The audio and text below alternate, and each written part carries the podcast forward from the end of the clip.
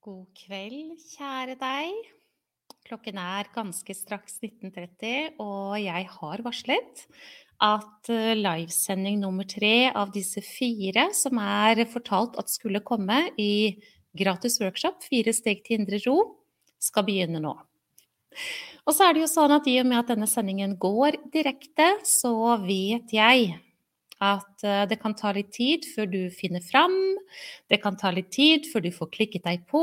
Det kan, ikke, det kan være at ikke du får beskjed engang, at du må på eget initiativ komme deg inn i gruppa og lete etter sendinger nå. Det hender, det. Hei, Marte. Så hyggelig. Bekrefter du bilde og lyd OK for meg, Marte, så blir jeg kjempeglad. Du gjør jo alltid det. Og det er så fint, for da slipper jeg å tenke på at, det, eh, at det, det er ingenting som ikke er i orden. Ellers, når du kommer inn, kjære alle, skal vi se, hva skriver du? Jeg er med i stallen, ja. Lyd og bilde er bra, sier Marit. Å ja, men da vet jeg, nå fikk jeg det bekrefta av flere. Når du kommer inn nå, kjære deg, hils på meg. Det er veldig hyggelig at du gjør det.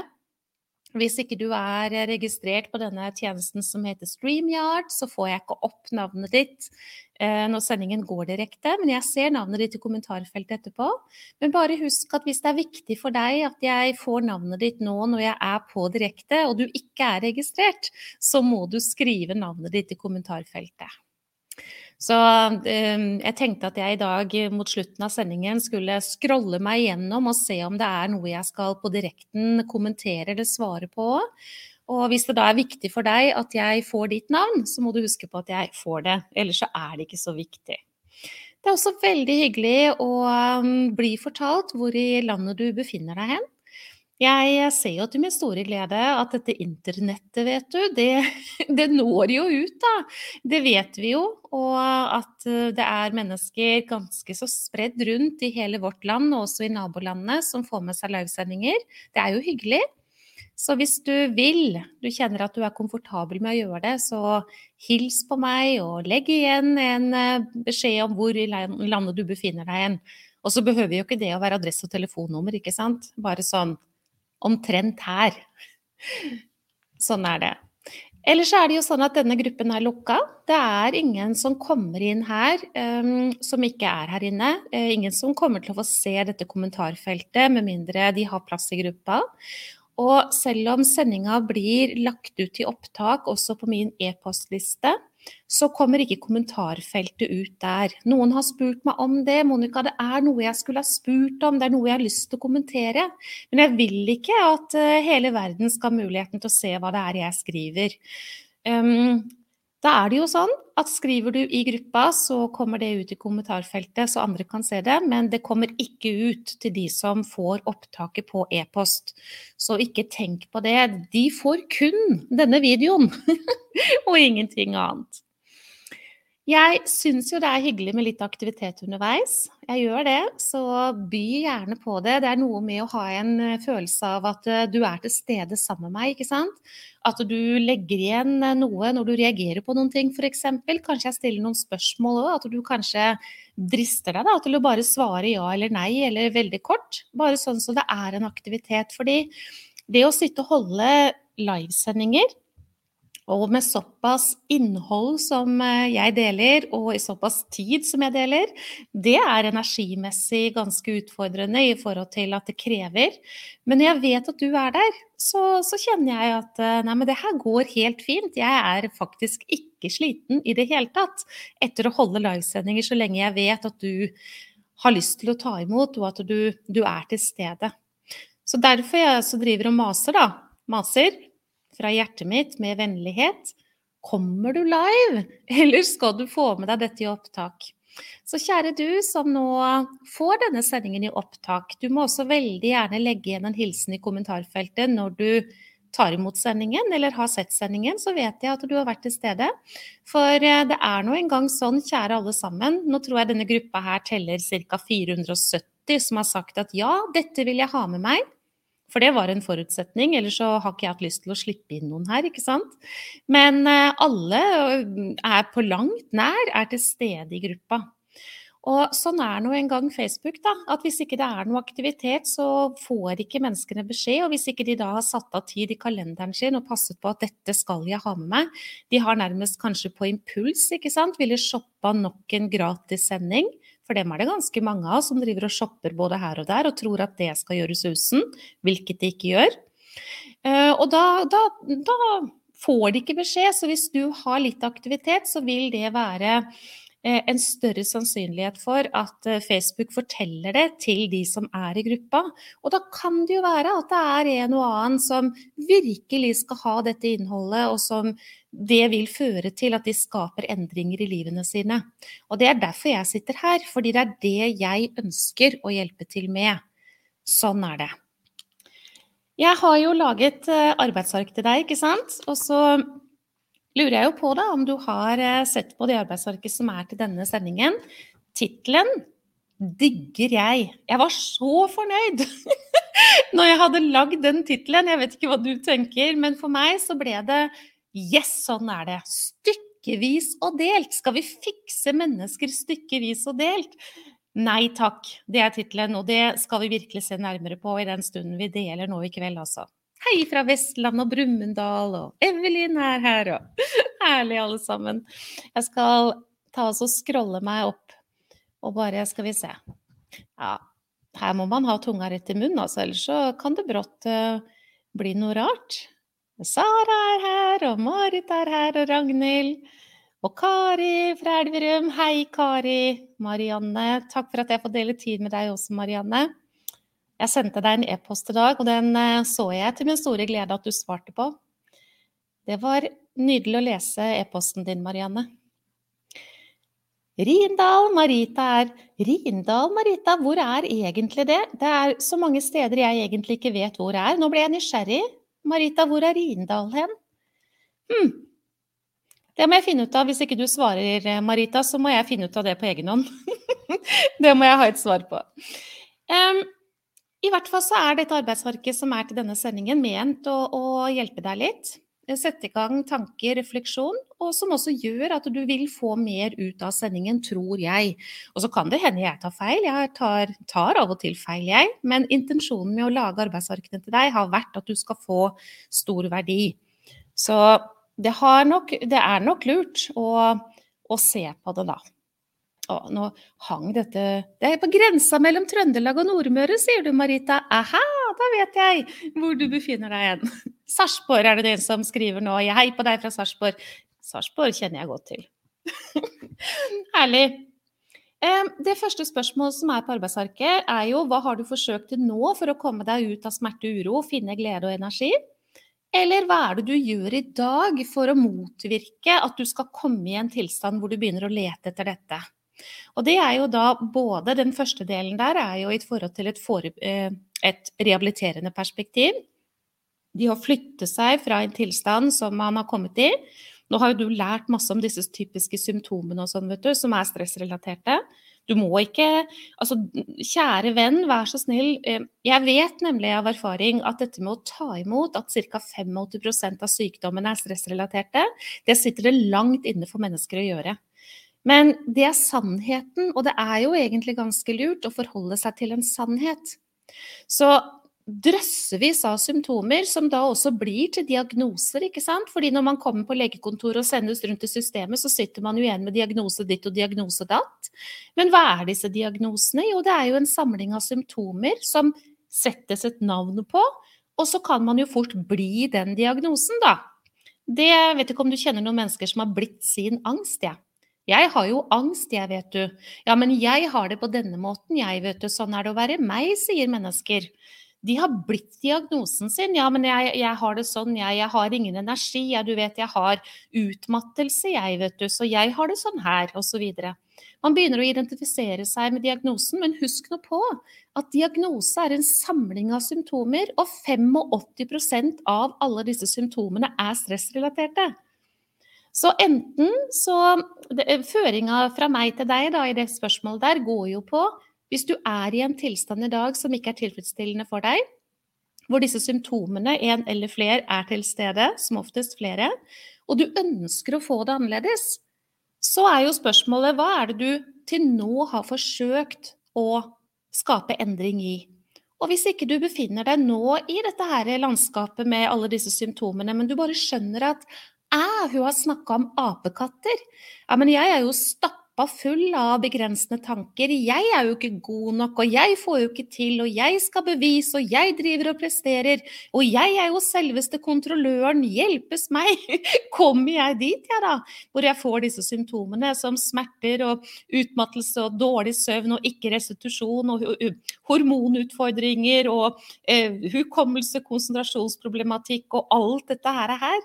Eh, ja, vet du, det blir berettelsen om det, fordi som du har lært nå, når mennesket har denne stressresponsen som skapes i tanke, ikke sant Én tanke er nok, eh, og du har jo drøssevis av dem, for du har jo et sted mellom 65 000 og 85 000 tanker hver dag, som du lærte i forrige sending.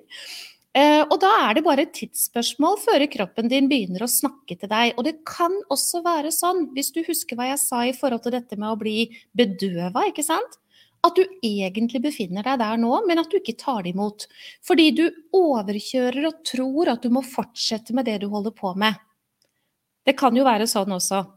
Jeg møter mange mennesker, og jeg har møtt mange nok mennesker at jeg kan si at alt det som jeg befant meg i før jeg ble sengeliggende, ja, det hører jeg i andre også. Jeg gjorde akkurat det samme. Og vet du hva? Mennesker kan ikke skape endringer før de forstår noen ting. Så det er jo ikke det at mennesker er dumme. Ingen er det. Du er ikke dum, jeg er ikke dum. jeg var ikke dum den gangen heller, men jeg fortsatte å kjøre over. For jeg forsto ikke hva det var som skjedde med meg, jeg forsto ikke at jeg måtte ta andre valg. Og ikke minst så trodde jeg jo at jeg ikke kunne gjøre det. Og det er jo ganske så forskrekkelig, men veldig vanlig. Jeg må ha det på denne måten. Ja, ja, men smerter, det er meg. Angst? Jeg var sterkt plaget av angst i mange år av livet mitt. Ja, men den blir jeg ikke kvitt. Det må jeg bare leve med. Jeg har fått angst, jeg. Diagnosen lavt stoffskifte, ja, men den må jeg bare ha. Diagnosen fibromyalgi som kom etter hvert også, ja, men det må jeg jo bare ha. Jeg trodde jo på det. Inntil jeg skjønte at hm, hva er nå egentlig dette her, da? Hvorfor har disse symptomene kommet?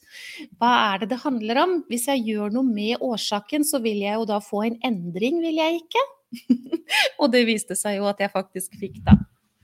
For å gi deg nå en rask repetisjon av disse fire nødvendige steg til indre ro, så er det altså på steg nummer én du er nødt til å foreta deg noen ting som trykker inn bremsepedalen i nervesystemet ditt.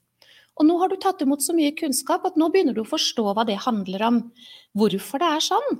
Fordi den delen av det ikke-viljestyrte nervesystemet har en gass som er stressaktivitet, hvor du mobiliseres for fight, flight eller freeze. Og det skapes av én apekatt. Og du har drøssevis av dem. Så da kan du i verste fall risikere at du har et pågående stress som du ikke er klar over i det hele tatt, fordi du er så vant til å leve i din modell av verden. Og så har vi den andre delen av dette autonome nervesystemet, dette ikke-viljestyrte, som er bremsepedalen. Og det er da, som du har hørt via de andre sendingene, at det er kun når den delen av det autonome nervesystemet blir aktivert, bremsen for nervesystemet, altså i nervesystemet, det å faktisk foreta seg noen ting så det faktisk skjer, ja, det er da kroppen din bedriver et helsefremmende og forebyggende arbeid. Og da har jeg så lyst til å være litt rampete. Jeg mener det godt, og det er fra hjertet mitt.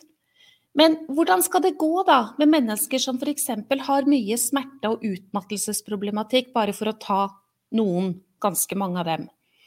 Som tenker de samme tankene, som hele tiden holder føttene på gasspedalen. Hvordan skal de få mindre smerte? Hvordan skal de få mer energi, vet du? Disse tre stresshormonene som du har lært, av, lært vet du, dette noradrenalinet som spenner all muskulatur i kroppen, enten du vil eller ikke. Kan du forestille deg hvor mye energi det går til anspent muskulatur? Hvor mange av dere er det som kjenner dere igjen i det å ha stivhet i kroppen? Og jeg er ikke spesielt fleksibel, nei. Å, å. Jeg brukte jo halve dagen på å gå meg til, som jeg fortalte deg også. Hvor mye energi tror du kroppen bruker for å holde muskulaturen anspent? Hvordan i alle dager skal det mennesket få opplevelse av mer energi, når energien som mennesket kunne hatt til noe helt annet, går til å holde ved like at mennesket skal være klar for overlevelse, altså kamp, flukt eller å fryse til is? Blir det ganske tydelig for deg når jeg sier det sånn? Forstår du da, jeg tror du gjør det, bekrefter veldig gjerne i kommentarfeltet hvis du har lyst, at hvis man skal få noe mer energi, så er man jo nødt til å gjøre noen ting da, for å få føttene på bremsepedalen. Må man ikke det, da?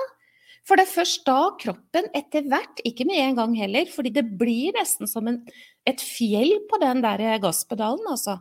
Så man er nødt til å fortsette over tid for at kroppen skal lære seg til at det er trygt å begynne å slippe. Så når mennesker begynner å praktisere antistressmedisin Jeg jobber med medieyoga, det fins ikke noe bedre. Det er forskningsbasert og vel dokumentert. Men de tror kanskje at etter en uke med praksis to ganger, så skal de ha en annen kropp å bo i. Det går jo ikke. Fordi systemet har jo hatt gassen i bånn i evigheter. Kroppen er i beredskap for overlevelse, og den er faktisk så smart den stoler ikke helt på deg før du beviser at det faktisk er trygt. Og det gjør du via hvilke tanker du da velger å tro på, og hvordan du møter det som foregår i deg via tanken din. Så du er nødt til å fortsette over tid. Men etter hvert så begynner det å skje. Så steg nummer én, det er at du er nødt til å begynne å foreta deg noen ting som faktisk gjør det mulig at kroppen din skal flytte føttene fra gassen til bremsen. Begynne å stole på deg, at nå skal det faktisk skje. Og så får du stadig mer av det gode arbeidet i deg. Uten det jeg sier nå, det skjer ingen endring. Så eksempelvis, når jeg drev hos fysioterapeuten, vet du, for det gjorde jeg jo fra jeg var ca. tolv år, og til jeg skjønte at det kunne jeg slutte med. Og det, det, det varte og rakk i flere tiår, det der, altså. Jeg skjønte jo ikke det før jeg begynte å forstå at jeg måtte gjøre noe på en annen måte. Eh, og jeg husker de siste timene jeg hadde hos fysioterapeuten. Da hadde jeg altså så vondt i setemuskulatur, altså i rumpa mi. Det er jo en av de største musklene vi har, det vi har i baken. Da var hele kroppen min så anspent at selv den store muskelen i baken var begynt å bli smertefull, og det var et mareritt. Da har et menneske hatt pågående stressaktivitet i svært lang tid.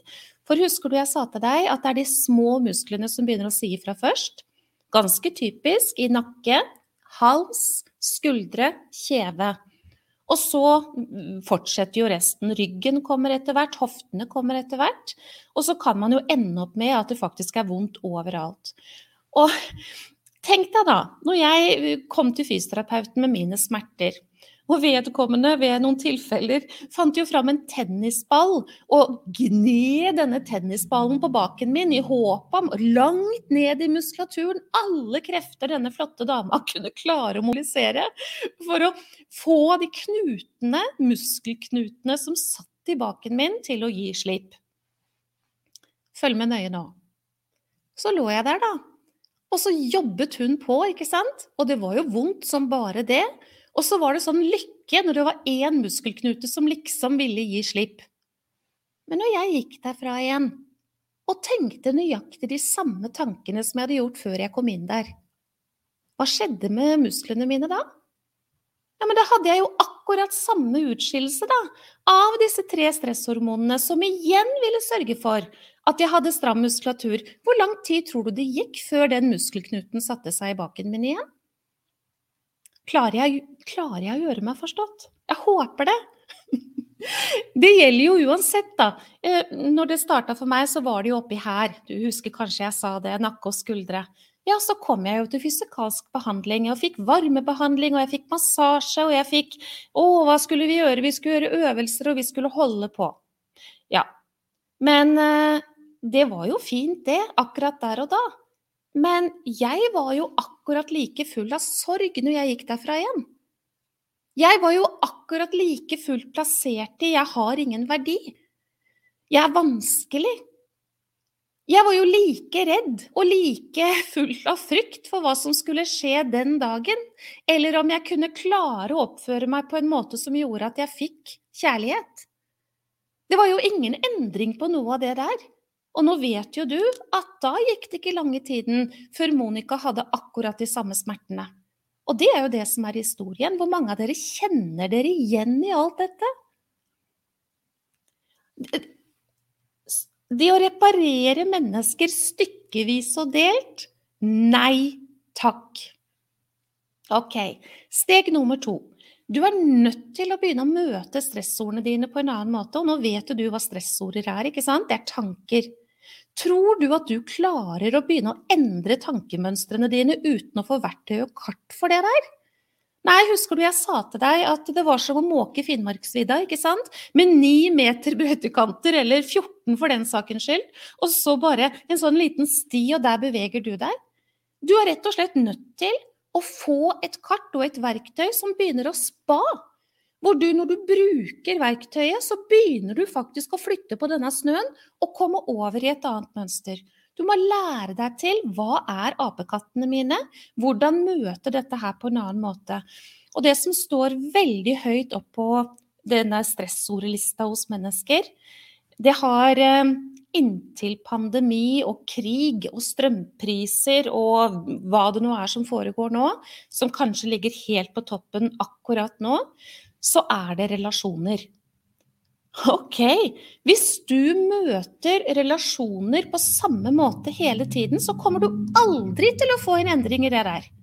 Hvis du er, kommuniserer på den samme måten, du tenker om det som blir sagt på den samme måten, du tier på den samme måten, du blir sinna på den samme måten, du legger skyld på andre mennesker på den samme måten, du mangler å akseptere, du mangler å puste og finne ro i det som foregår, du mangler å ta vare på deg selv fordi når jeg snakker om relasjoner, så er det både relasjonen mellom deg og deg og deg og andre. Hvis ikke du skaper en endring i det der, der, så kommer du faktisk ikke i mål på dette med å møte stressorder på en annen måte. Relasjoner står høyt på lista. Det finnes selvfølgelig massevis av annet. F.eks.: Jeg klarer ikke, hvordan skal det her gå, jeg har altfor mange oppgaver, osv., osv. Den indre dialogen der. Og i tillegg, som er knyttet til relasjonen mellom deg og deg, ja, det handler jo om det å ha bena stående i 100% verdi, helt uavhengig av hva andre mennesker måtte mene og synes og tenke, eller hva noen har sagt, eller hva det er du har erfart i ditt liv. God nok kom du til verden med, og det skal du eie. Men det å ikke være der til å komme dit, ja, hvordan skal det skje uten et verktøy? Det skjer ikke. Og her, nå begynner jeg bare å skissere disse store Stressordene for deg, apekatter. Apekattparken er ganske stor. Du hørte jo jeg har sagt, ikke sant, et sted mellom 65 og 85 000 tanker.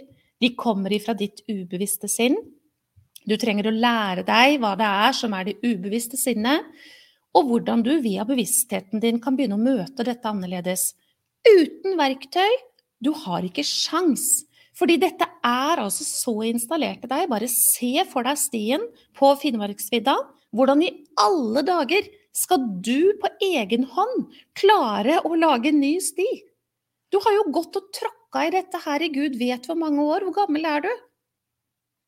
Er du 40 i dag, så har du tråkka i det siden du var 12 år, fordi mønstrene dine er etablert fra 0 til 12 år. Er du 50 i dag, ja, det er enda lengre tid. Er du 60 i dag, og så kan jeg jo fortsette, du skjønner hva jeg mener. Du har gått og tråkka, du har trodd på det samme, du har de samme føringene som kjører deg. Du tar valg ut fra hva det er som bor i deg, og din modell av verden den var ferdig forma når du var 0 til 12 år. Stressordene våre ligger veldig godt plassert i selvfølelsen vår, og den dannes i barndom. Hvordan i alle dager skal du kunne klare å skape endring i det som foregår i deg, eller bedrive et forebyggende helsearbeid, med mindre du faktisk har en god selvfølelse. Det kan jeg fortelle deg, det går ikke. Jeg gjør ikke det. Sånn er det. Men det går fint an å få selvfølelsen på plass. Det går så fint an å håndtere dette med relasjoner på en annen måte. Det går fint an å bli sin egen beste venn, hvilket igjen har med selvfølelse å gjøre. Det går fint an å lære seg til hvordan man skal forholde seg til alt man ikke kan få gjort noe med.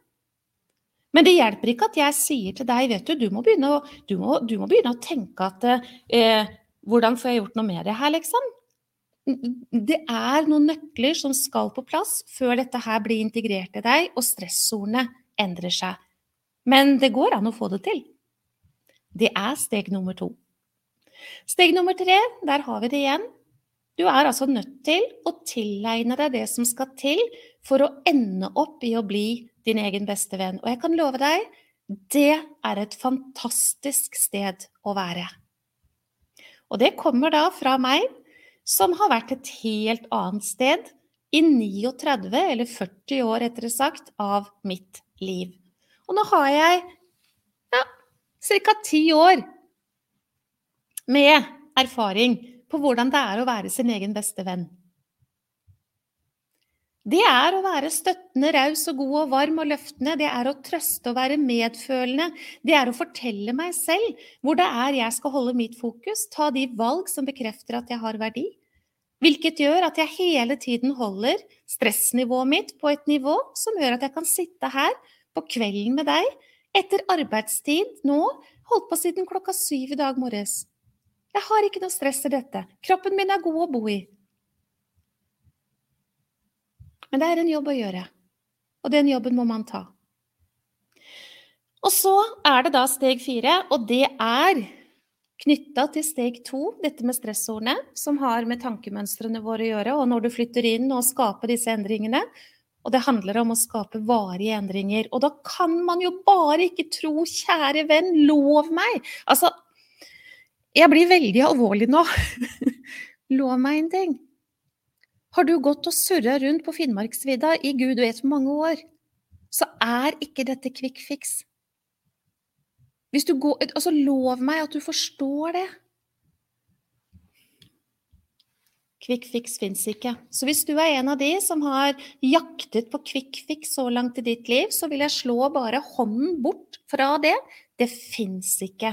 Og jeg tror jo at dette ligger i mennesket, og kanskje veldig mye i vår, altså i oss i vår tid. Vi, vi, vi må ha raske løsninger. Vi skal jo fungere, vi må tjene penger, vi må jobbe, vi må stå på, vi må klare ditt, vi må ordne med datt, vi skal ha hus og bil og hytte, og gudene vet hva, vi skal på ferie, og vi skal ha unger, og vi skal ditt, og vi skal datt. Og ikke bare det, men vi skal jo bevise for hele verden at vi er vellykka. Og så videre og så videre. Så vi har ikke tid til å bruke tid til å ta vare på oss selv, eh, hvilket jeg skal snakke litt mer om.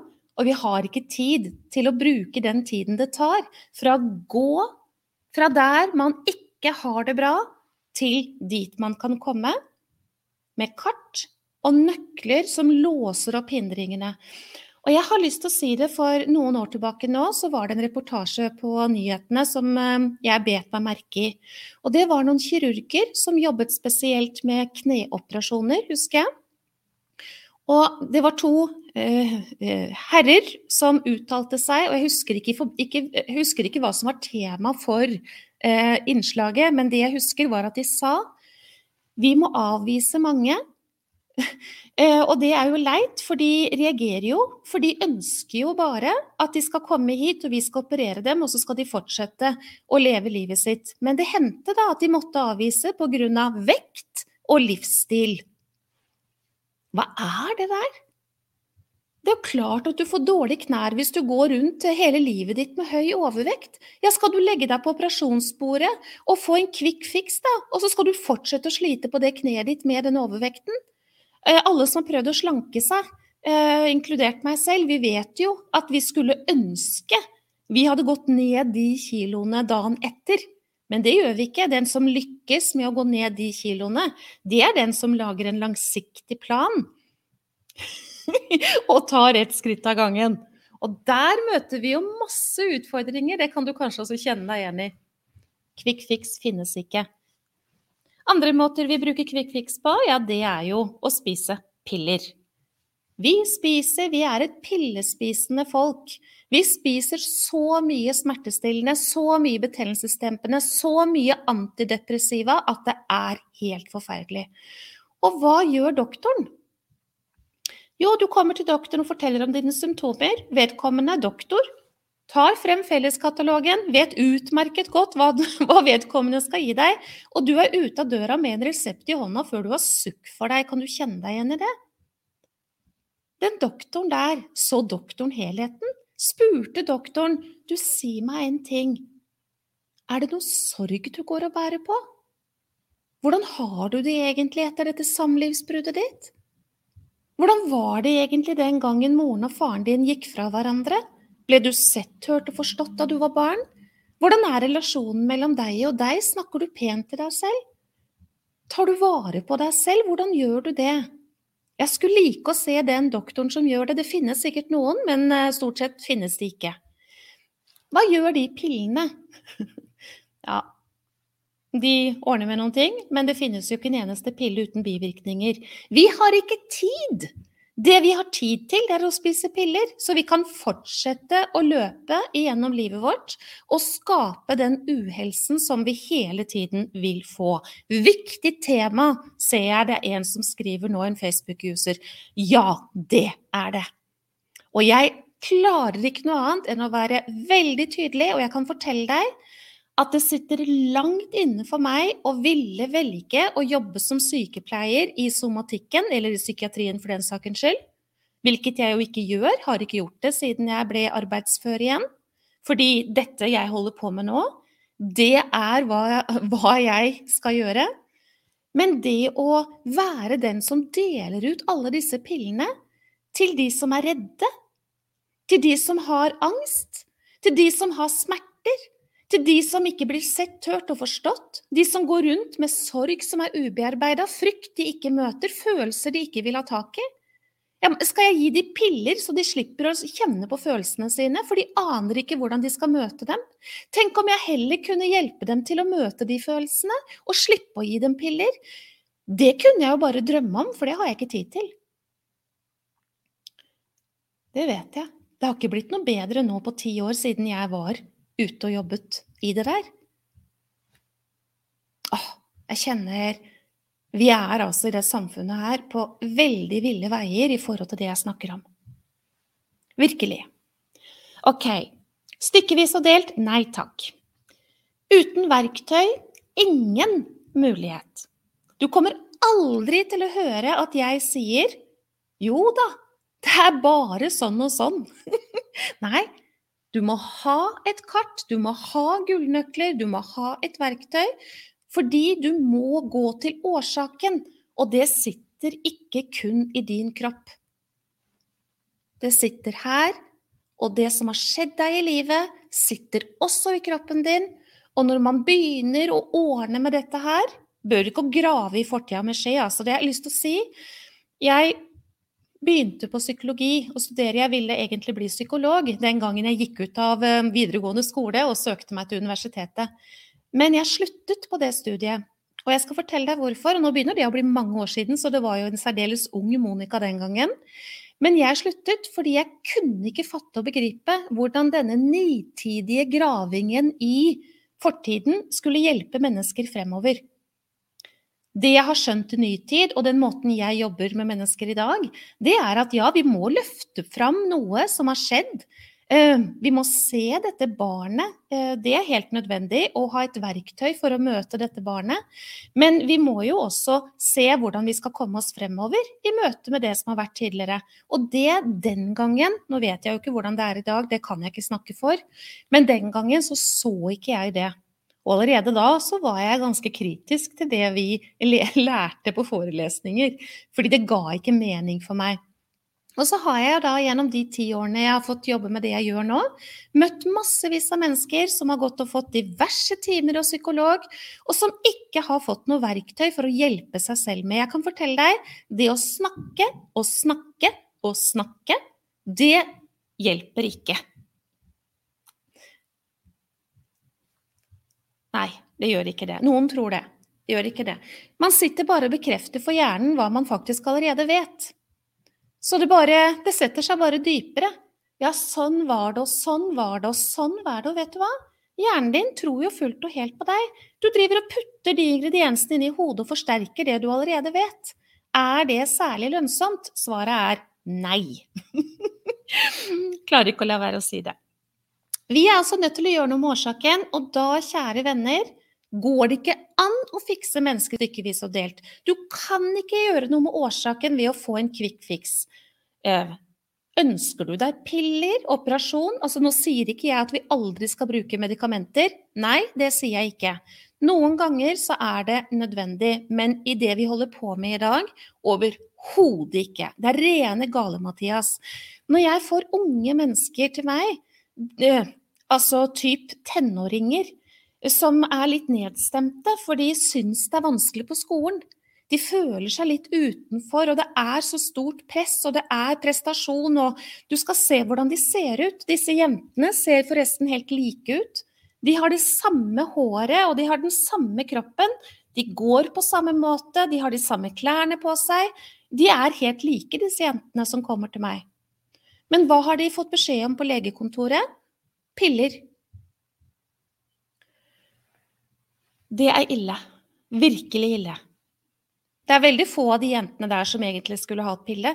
Men det er som min fastlege sa til meg når jeg fortalte Det var jo en gledens dag for å dele det med deg. Jeg skjønte jo at nå er jeg i stand til å Nå har jeg det på en helt annen måte. Og beskjeden om at det som hadde skjedd med meg og hjulpet meg, det ville hjelpe alle andre. Jeg måtte følge den. Så fortalte jeg det til legen min, og han lyttet. Og så sa han, du Monica, jeg skal si en ting. Du har alt jeg ikke har. Hva er det jeg har for noe? Jeg har felleskatalogen og mulighet til å sende mennesker videre i systemet. Men det er jo ikke det disse menneskene egentlig trenger. Så det kom fra min fastlege. Ok, nå vet du at alt stress starter i tanken. Kan vi da fikse kroppen isolert ved å ikke gå inn i årsaken? Hvis du tror f.eks. at smerte kun er fysisk, hvis du tror at betennelser kun er fysisk, hvis du tror at magetrøppel kun er fysisk Da du tror ikke noen ting av dette lenger, du. For du vet jo nå at 85% av alle sykdommer er stressrelaterte. Og sånn er det. Og da er vi nødt til å se helheten for å kunne skape endring i det. Angst det er et nervesystem som har så lav tålegrense for stress at det henger seg fullstendig opp med noe som du ikke engang vet hva er. Det holder med én tanke, én stressord, og du er ikke klar over at du har den engang. Og så kjører det på, i verste fall så kjører det på i døgn.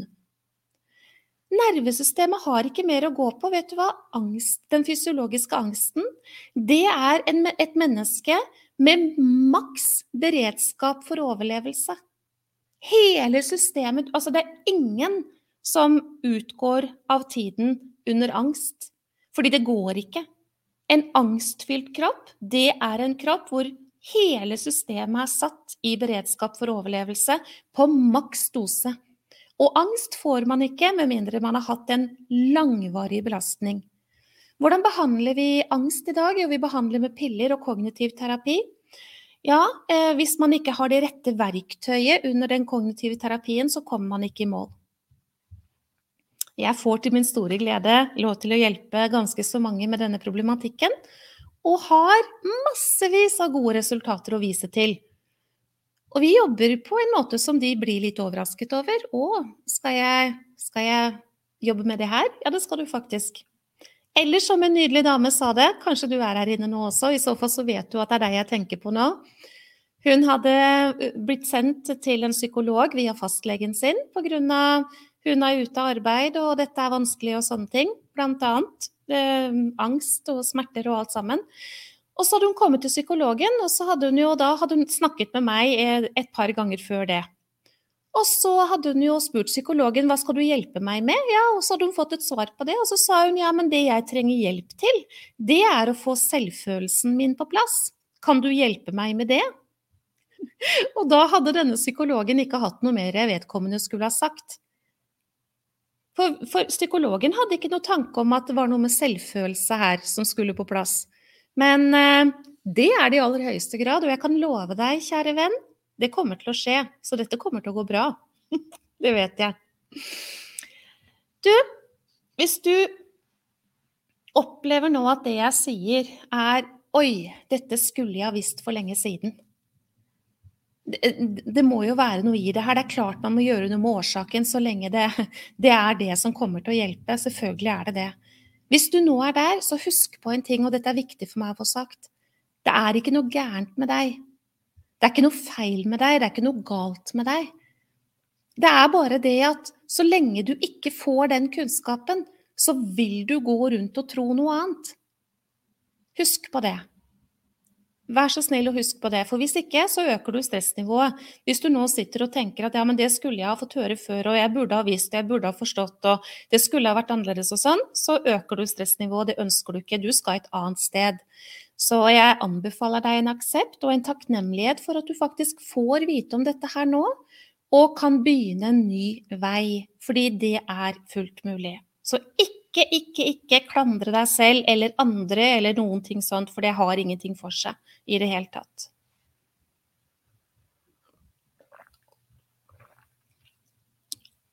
Mennesker som er et sted som ikke er OK og har vært der lenge, Veldig mange begynner å tenke at det, jeg kan, kan, ikke få det på en annen måte. Det må være sånn. Kan ikke, det kan ikke bli annerledes. Sånn her er det å være meg. Og det tror vi fordi vi vet ikke annet. Så husk nå på det at den dagen du får vite om annet, det er da muligheten for at det kan bli en endring skapes. Så det kan skje nå. Det er mulig at det faktisk skjer nå. Husk på det. Ok. Utfordringene som er stressrelaterte, altså hvilket er 85% av alle sykdommer, starter ikke på 1, 2, 3. De starter veldig lang tid før de kommer. Husker du jeg snakket om de små symptomene, den stille hvisken? det som egentlig alle mennesker går rundt og, og, liksom Ja, ja, men sånn er det vel å være menneske, liksom. Jeg må vel ha det sånn. Veldig vanlig tilnærming. Ja, men jeg må jo ha litt vondt i nakken, og jeg må jo sove litt dårlig, og jeg må jo være sliten, da, for det er jo alle andre, og det er ikke rart jeg er det, osv., osv. Det starter lenge før. Og nå nevnte jeg for deg i stad at din modell av verden den er ferdig forma da du var tolv år. Ok, hvordan skal da jeg, jeg, klarer ikke å slippe det helt, jeg skal snart slippe det, men jeg gjør det ikke riktig ennå. Hvordan skal da det med veldig mange ulike behandlinger, hvordan, hvordan skal det kunne fungere hvis man ikke tar tak i helheten? Det kan ikke gjøre det. Det kan rett og slett ikke gjøre det. Og nå, nå kjenner jeg at nå, nå, skal jeg slippe det. Vi, vi, har blitt et folk som driver og, og døyver. Men du, jeg lurer på en ting. Jeg har så lyst til å gi deg et bilde. Jeg tror jeg var inne på det i innledningen til når jeg satte opp denne sendingen. Hva gjør du når eh, lampa i bilen lyser? Det kan jo være bensin, eller det kan være noe annet. Hva gjør du da? La oss si det er bensin, da. Kjører du inn på bensinstasjonen og fyller drivstoff? Ja, enten du skal ha bensin eller diesel, ikke sant, så gjør du faktisk det. Og du passer på at din bil, ja, den bruker da diesel eller bensin, og du passer på å gå til riktig pumpe, gjør du ikke det, fordi bilen trenger drivstoff. Men eh, det undrer meg. Hvorfor passer du ikke på å fylle på til deg selv når du har behov for det? Nei, for du har lært at det gjør du ikke.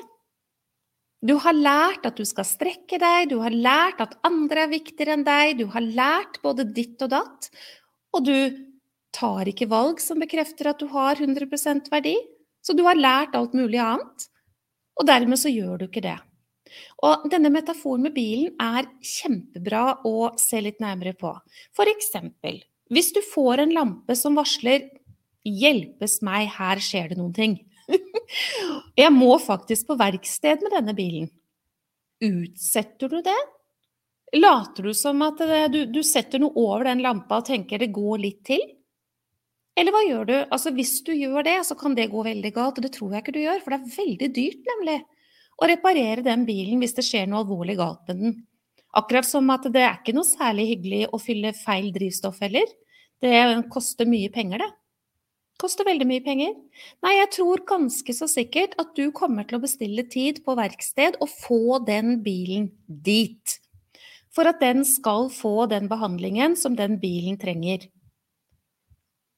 Jeg har i nyere tid mange ganger undret meg over menneskers vilje til å ikke fylle rett drivstoff.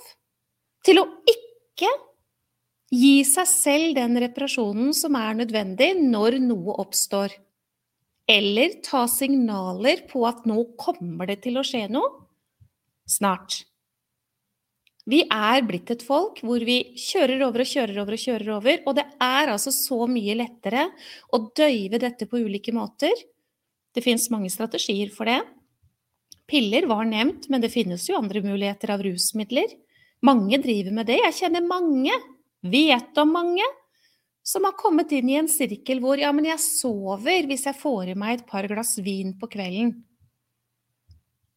Jeg kan fortelle deg at den søvnen du får da, det er ikke en restitusjon. Fyller man feil drivstoff på bilen, koster det dyrt, ser jeg i kommentarfeltet. Det gjør det. Varsellampene er tydeligere i bilen, tror jeg. ja. Jeg har i hvert fall ikke registrert at mine begynte å lyse for lenge siden. Helt riktig, Marita. Og jeg vil så gjerne du skal forstå, Marita, at det er ikke noe feil med deg. Det er bare det at det er en blanding av hva vi tror at vi må gjøre i livene våre, de sporene vi går i, de overbevisningene og forestillingene vi har. I tillegg til det så er disse stresshormonene med på å spille en rolle her. Så det er både tanke, vår modell av verden, hva vi driver og presser og stresser og ordner med. Sånn skal det være. Kanten og denne cocktailen av, um, av stresshormoner. OK. Du må altså på rett verksted. Du er nødt til, enten det er for å ta en sjekk, den der servicen vet du, som man blir innkalt til, i hvert fall hvis man har en nyere bil, så kommer jo den. Nå er det på tide å sjekke opp her, ikke sant? Det er veldig lurt i forhold til det forebyggende perspektivet. Og så må man altså på et rett verksted som har den rette instruksjonsboka, som kan hjelpe deg. For hvis ikke, så sitter man ikke igjen med det resultatet man egentlig ønsket seg. Hvis man drar til et verksted som eh, ikke er et verksted, eller som bare fikser én bit av det som må fikses, så vil man jo ikke sitte igjen med det man egentlig ønsket seg. Nå tror jeg at jeg har tegnet nok i forhold til dette. Stykkevis og delt? Nei takk. Det går altså ikke. Jeg håper og tror at jeg har klart å gjøre det veldig tydelig nå. Kroppen din er en lagringsplass for hele ditt liv. Det kommer til uttrykk i tankene dine, det kommer til uttrykk i hva det er som skjer med kroppen din. Og jeg vil slå et slag for en sannhet som mange heller ikke vil forholde seg til, eller ikke vet at eh, det er sånn. Og det er at din kropp, kjære venn, den rommer hele livet ditt. Kroppen din rommer den sorgen som ikke er møtt. Kroppen din rommer den, det skammet som du har eh, vært i kontakt med. Den frykten, den redselen, den skylden som du har opplevd i livet ditt. Kroppen din rommer alt dette, med mindre du faktisk har foretatt deg noen ting som gjør at det slipper taket. Hadde denne fysioterapeuten som møtte meg da jeg var tolv år, spurt meg hvordan jeg hadde det, og jeg hadde sagt jeg har akkurat mista pappaen min Jeg har det ikke så lett. Jeg har det veldig vanskelig, faktisk, for det er ikke noe fint å være hjemme. Jeg har det vanskelig. Og jeg hadde fått hjelp til å få den aksepten til aksept, altså få den sorgen til aksept, hvilket er nødvendig, så hadde ikke hyl i hoftene mine kommet da det skjedde. Belastningen på nervesystemet så jeg fikk angst, hadde heller ikke blitt på samme måte. Hvis jeg hadde lært meg til å møte følelsene mine, Møte skyld, møte skam, møte sorg, møte redsel, møte frykt.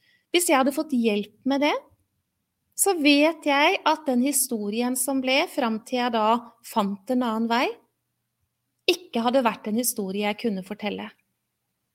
Fordi alt det som kom til uttrykk i min kropp, ja, det har med historien å gjøre. Det har med tanken å gjøre, men det har også med historien å gjøre. Så når jeg møter mennesker som har det slik og sånn, så vet jeg, uten at de har fortalt meg noen ting, så vet jeg om det er mye frykt til stede, om det er mye redsler her til stede, som har vært eller er, om det er sorg til stede, som har vært eller er, om det er skyld, skam, altså disse kraftfulle følelsene. Det vet jeg kun ut fra et spørsmål om 'fortell meg litt om kroppen din'. Hvordan har du det i kroppen din? Så får jeg høre slik, sånn, sånn, sånn, sånn, og så vet jeg dette er et menneske som ikke opplever seg sett, hørt og forstått, som syns det er vanskelig å gi uttrykk for. Så kan jeg begynne å stille noen spørsmål som forteller meg akkurat svaret på det. Hva er det da man skal gjøre for noe? Jo, man skal jo begynne å jobbe med det som skal til for å skape endring i det som foregår. Man må jobbe helhetlig, ellers så skjer det ingenting. Nervesystemet til mennesket har en tålegrense. Den er eh, ganske stor. Heldigvis, den er eh, ganske stor. Men på et eller annet tidspunkt så går det ikke lenger. Og da, som jeg sier til deg, da øker belastningen på. Da øker den fysiske kroppen med sine symptomer noe voldsomt. Og man kan også ende opp med angst og en alvorlig depresjon. Det er ganske typisk. Og det er ikke noe som kommer ut av det blå i det hele tatt. Jeg har lyst til, for dere som ikke kan dette fra før, så er det noe som det kan være greit å ha kjennskap til når det gjelder hva det er som svekker, og hva det er som styrker nervesystemet ditt. Fordi det vet vi ganske mye om. Og det er jo lurt å vite det, og det er lurt å ta dette på alvor. Hva kan jeg gjøre, da? Hva kan jeg gjøre for at det skal styrke, og øh, kanskje det er lurt å vite hva som svekker. Det som svekker nervesystemet til mennesket, nå blir du helt sikkert ikke overrasket når toppen på den lista der, det er de tankene jeg snakker om. Der starter belastningen. Hvordan du møter verden, hvordan du ser verden, både i fortid og nåtid og fremtid. Bekymringer, vet du. Og alt som ikke ble som det skulle, alt som ikke ble. Det er den største belastningen på nervesystemet. Og kun via det der, der så blir vi syke. Og hvis man i tillegg holder på med noe mer, da Nikotin er svekkende for nervesystemet. Heldigvis så har vi jo etter hvert beveget oss over i et samfunn hvor dette med å være passiv røker så å si ikke skjer. Det er jeg lykkelig for, fordi det svekker også nervesystemet. Så er det jo det kjente ellers, alt som er av rusmidler, alkohol, eh, andre rusmidler det svekker nervesystemet. Så hvis man har kommet inn i den der galeien der hvor man driver og hjelper seg selv med litt uh, alkohol f.eks., eller andre ting Det er ikke å bekrefte 100% verdi. Det er nedbrytelse så det holder. Og det hjelper ingenting. Og så er det veldig kjekt å vite, hvilket nok ikke er en overraskelse for mange av dere, vil jeg tro, hvitt sukker det er sterkt nedbrytende for nervesystemet. Hvitt mel det samme, fordi det blir omtrent til sukker i kroppen. Så hvitt mel og hvitt sukker, det skal et menneske med symptomer på langvarig negativt stress være ytterst forsiktig med. Det kan faktisk være at det sukkeret er nok til å fremprovosere angst hos mennesker som har kommet så langt i nedbrytelse at angsten er til stede. Jeg sier som oftest til de menneskene jeg hjelper ut av angst, at uh, det der må man gjøre noe med. Og veldig mange av de sier, ikke alle, men veldig mange sier jeg er jo veldig glad i sjokolade, da. Veldig glad i bakevarer, og jeg syns liksom det, er, det, gjør noe for meg når jeg får det i meg. Ja, akkurat der og da gir det nok en rus for deg, fordi det vekker jo noe godt i toppetasjen og hormonelt for deg, men det er nedbrytende for nervesystemet ditt, så du tåler det faktisk ikke. Og jeg vil gjerne ha det sagt også, når jeg tok min reise fra der jeg var til dit jeg kom, så kuttet jeg ut sukker og hvitt mel i ganske så lang tid i den perioden der. Og så kunne jeg begynne å innføre litt når nervesystemet var blitt styrket, men jeg skal nok for resten av mitt liv være restriktiv mot det som uh, bryter ned nervesystemet, så det velger jeg hver eneste dag. Jeg har uh, et udruelig forhold til hvor mye jeg får i meg av akkurat det der. Flere ting på den lista, dessverre. Det er koffein, og det er sjokolade. Så da vet du det. Hva er det som styrker nervesystemet? Ja, da blir du heller ikke overraska hva som står øverst der. Det er positive tanker. Selvsagt er det det. Det vil jo sette på bremsen, ikke sant? Så dette med å ha sin modell av verden, gå på Finnmarksvidda og faktisk lage seg nye spor, ja, det blir helt avgjørende for helheten. Absolutt. Vi vet at det å praktisere meditasjon, avspenningsteknikker, som jeg jobber med, som er en del av det jeg jobber med, det er meget styrkende for eh, nervesystemet. Medisinsk yoga, det er det lureste man kan gjøre. Medisinsk yoga, medieyoga, rommer helsefremmende pust, rommer veldig enkle fysiske øvelser. Det er alle kan gjøre. Eh, det blir gitt på blå resept i Sverige. Her i dette landet er vi med nisselua godt tredd nedover. Og det består av avspenning og meditasjon. Veldig, veldig enkelt verktøy, men svært effektivt på den heldige siden for oss, og som også da styrker nervesystemet og balanserer og hjelper til med så mangt. Matvarer veldig lite som styrker, men det finnes noe, og det kan være greit å vite det. Du kan ikke leve på denne kosten, for det, det funker ikke. Men det er selleri, det er fersk ingefær, og det er oliven. Og på egne vegne så måtte jeg bare kaste inn kortet der og håndkle og alt sammen, fordi oliven, det klarer jeg ikke å bli glad i. Jeg har virkelig prøvd. Selleri kan jeg spise, men fersk ingefær, det brenner i munnen min, så det går heller ikke. Men kanskje du og det vil jo ikke være sånn at du kan fortsette med apekattankene dine og din modell av verden, som jo har sørget for, eller kommer til å sørge for, nedbrytelse så mye at det kommer sånn og sånn. Og spise selleri, liksom. Det går ikke. Men eh, som et tilskudd til alltid, så kan det være greit å vite. I tillegg til det så har isbaderne en stor fordel. Fordi det å, å utsette seg for kaldt vann, det er også veldig styrkende for nervesystemet. Og hvis man ikke har lyst til å hive seg til sjøs, da, så kan man jo lære seg til å avslutte dusj med kaldt vann.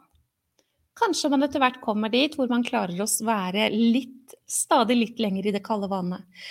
Det utløser feel good-hormoner, og det styrker nervesystemet. Så det er jo gull verdt. Og det er jo ikke uten grunn at mennesker blir veldig glad i å være isbadere, de som faktisk gjør det.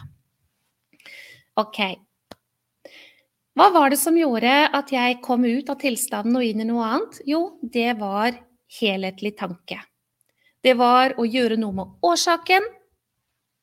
Det var å ta på alvor disse fire trinn. Og så kom jeg jo i mål, da.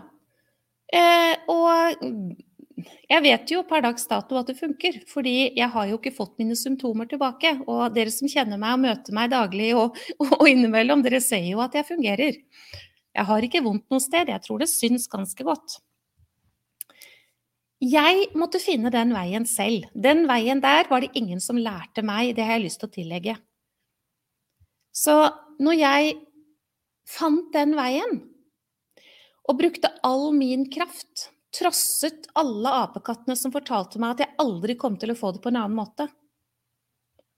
Når jeg våget å ta sjansen på å praktisere antistressmedisin, altså medieyoga, når jeg våget å åpne opp for muligheten for at mine tanker ikke var så heldige, når jeg hadde mot nok til å trene på å bli min egen beste venn, når jeg gjorde alle disse grepene, så fikk jeg jo et resultat. Men eh, det krevde sitt, fordi jeg hadde ingen støttespillere. Jeg hadde bare meg, og det er nesten litt sånn eventyrhistorie, føler jeg jo, og det er det mange som har sagt til meg om, Monica. Hvordan var det mulig? Ja, det var kanskje en mening med det, da. At jeg skulle finne veien. fordi at etter det så har jeg fått lov å hjelpe tusenvis av mennesker til å finne veien. Men det som er felles for alle sammen, det er at de må ville velge å bruke et kart og et verktøy. De må også ville velge å møte motstand. De må ville velge å gjøre de grep som skal til, for hvis ikke så får man ikke resultatet. Men hvis man bruker det, ja, så kommer resultatet. Og det er heldigvis en del mennesker som kan bekrefte det, og ikke rent så få heller. Jeg måtte gi slipp på kontroll. Jeg måtte slutte å tro på overbevisninger. Jeg måtte tilgi moren min. Jeg måtte slutte fred med fortiden min og ta med meg læring. Og være takknemlig for all læringen jeg fikk. Jeg måtte trøste det lille barnet som var redd, som hadde frykt, og som var full av skam. Og det var ikke gjort på én gang, for å si det sånn. Jeg måtte holde på en stund. Jeg måtte trene på å bli glad i meg selv. Jeg var nødt til ganske så mye. Jeg måtte lære meg å si nei.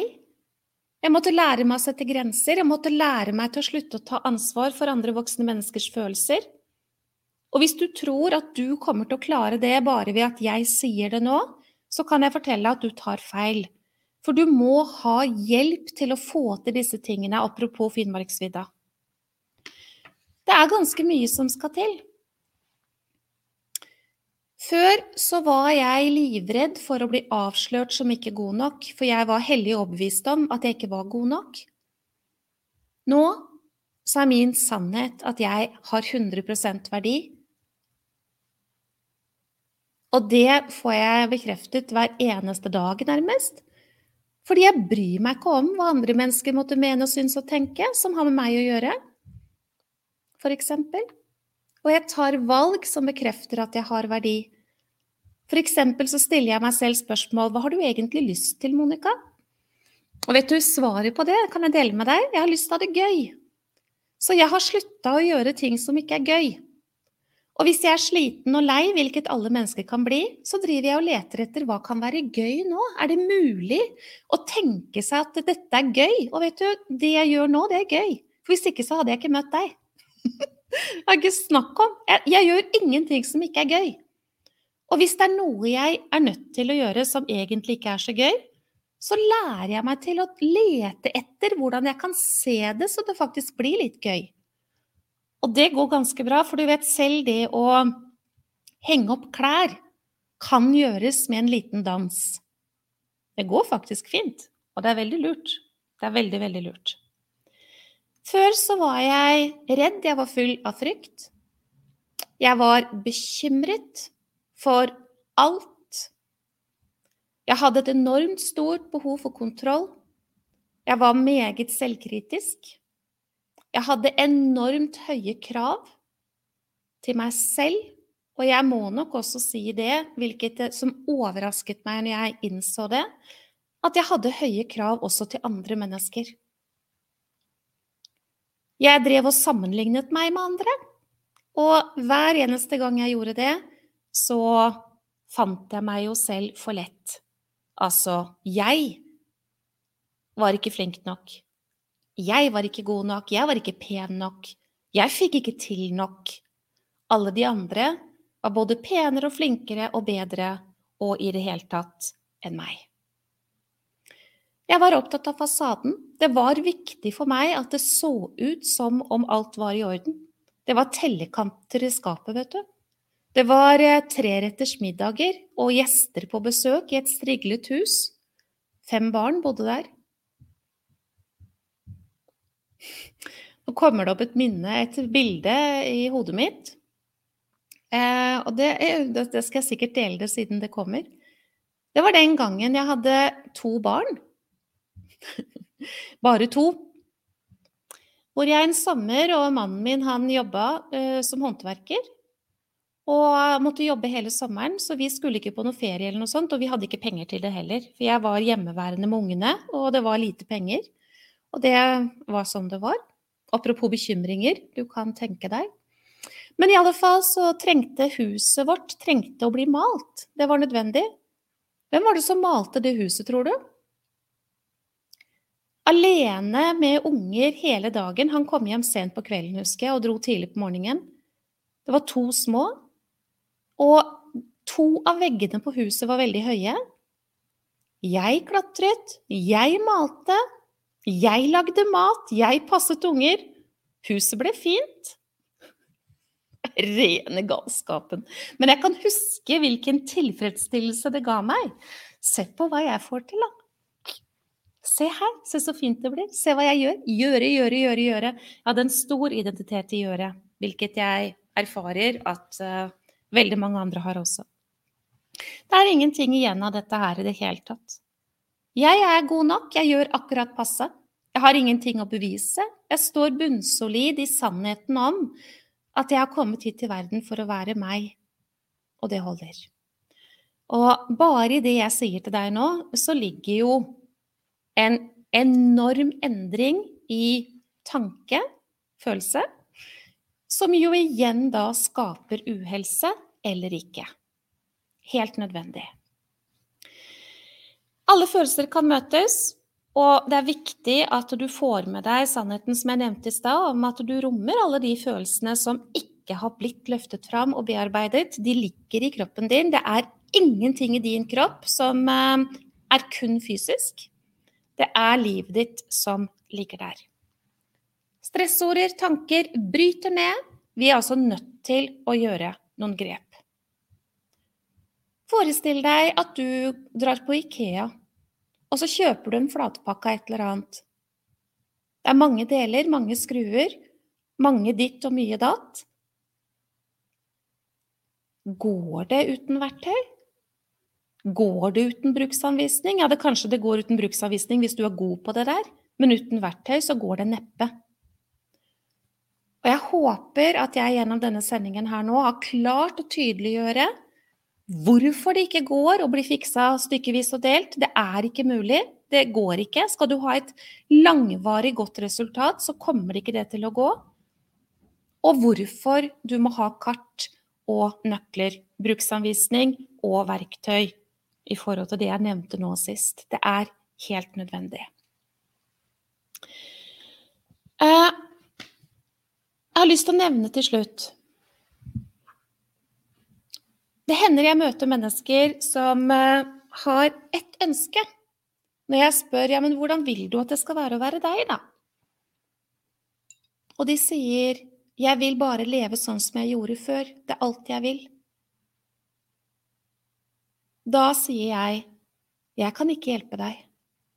For hvis du skal leve sånn du gjorde før, så kommer det aldri til å bli det resultatet som du ønsker deg. Og det tror jeg er kjempeviktig å se. Uten å få en endring i helhet, ingen mulighet. Det betyr jo at det har vært ingredienser i den måten du levde på før, som har ført deg inn i en tilstand du ikke vil være i, som må endres på. Og da er vi altså nødt til å se på helheten. Jeg eh, tenker at jeg skal slutte der. Nå er det fjerde og siste sending i denne workshopen til søndag. Da kommer jeg til å trekke tråder. Jeg kommer også til å lære deg noe nytt som jeg ikke har snakket om til nå, som gjør noe veldig tydelig for deg, håper jeg i hvert fall. Ehm, og så får du møte et eh, menneske som eh, veldig gjerne vil dele hvor hun var hen, og hvor hun har kommet. Og hva det er som er årsaken til at hun har kommet seg ut av stor uhelse med veldig mye symptomer på sykdom, til å håndtere livet på en helt annen måte. Og det er en fantastisk historie, og jeg kjenner bare jeg nevner det, så blir jeg veldig, veldig rørt.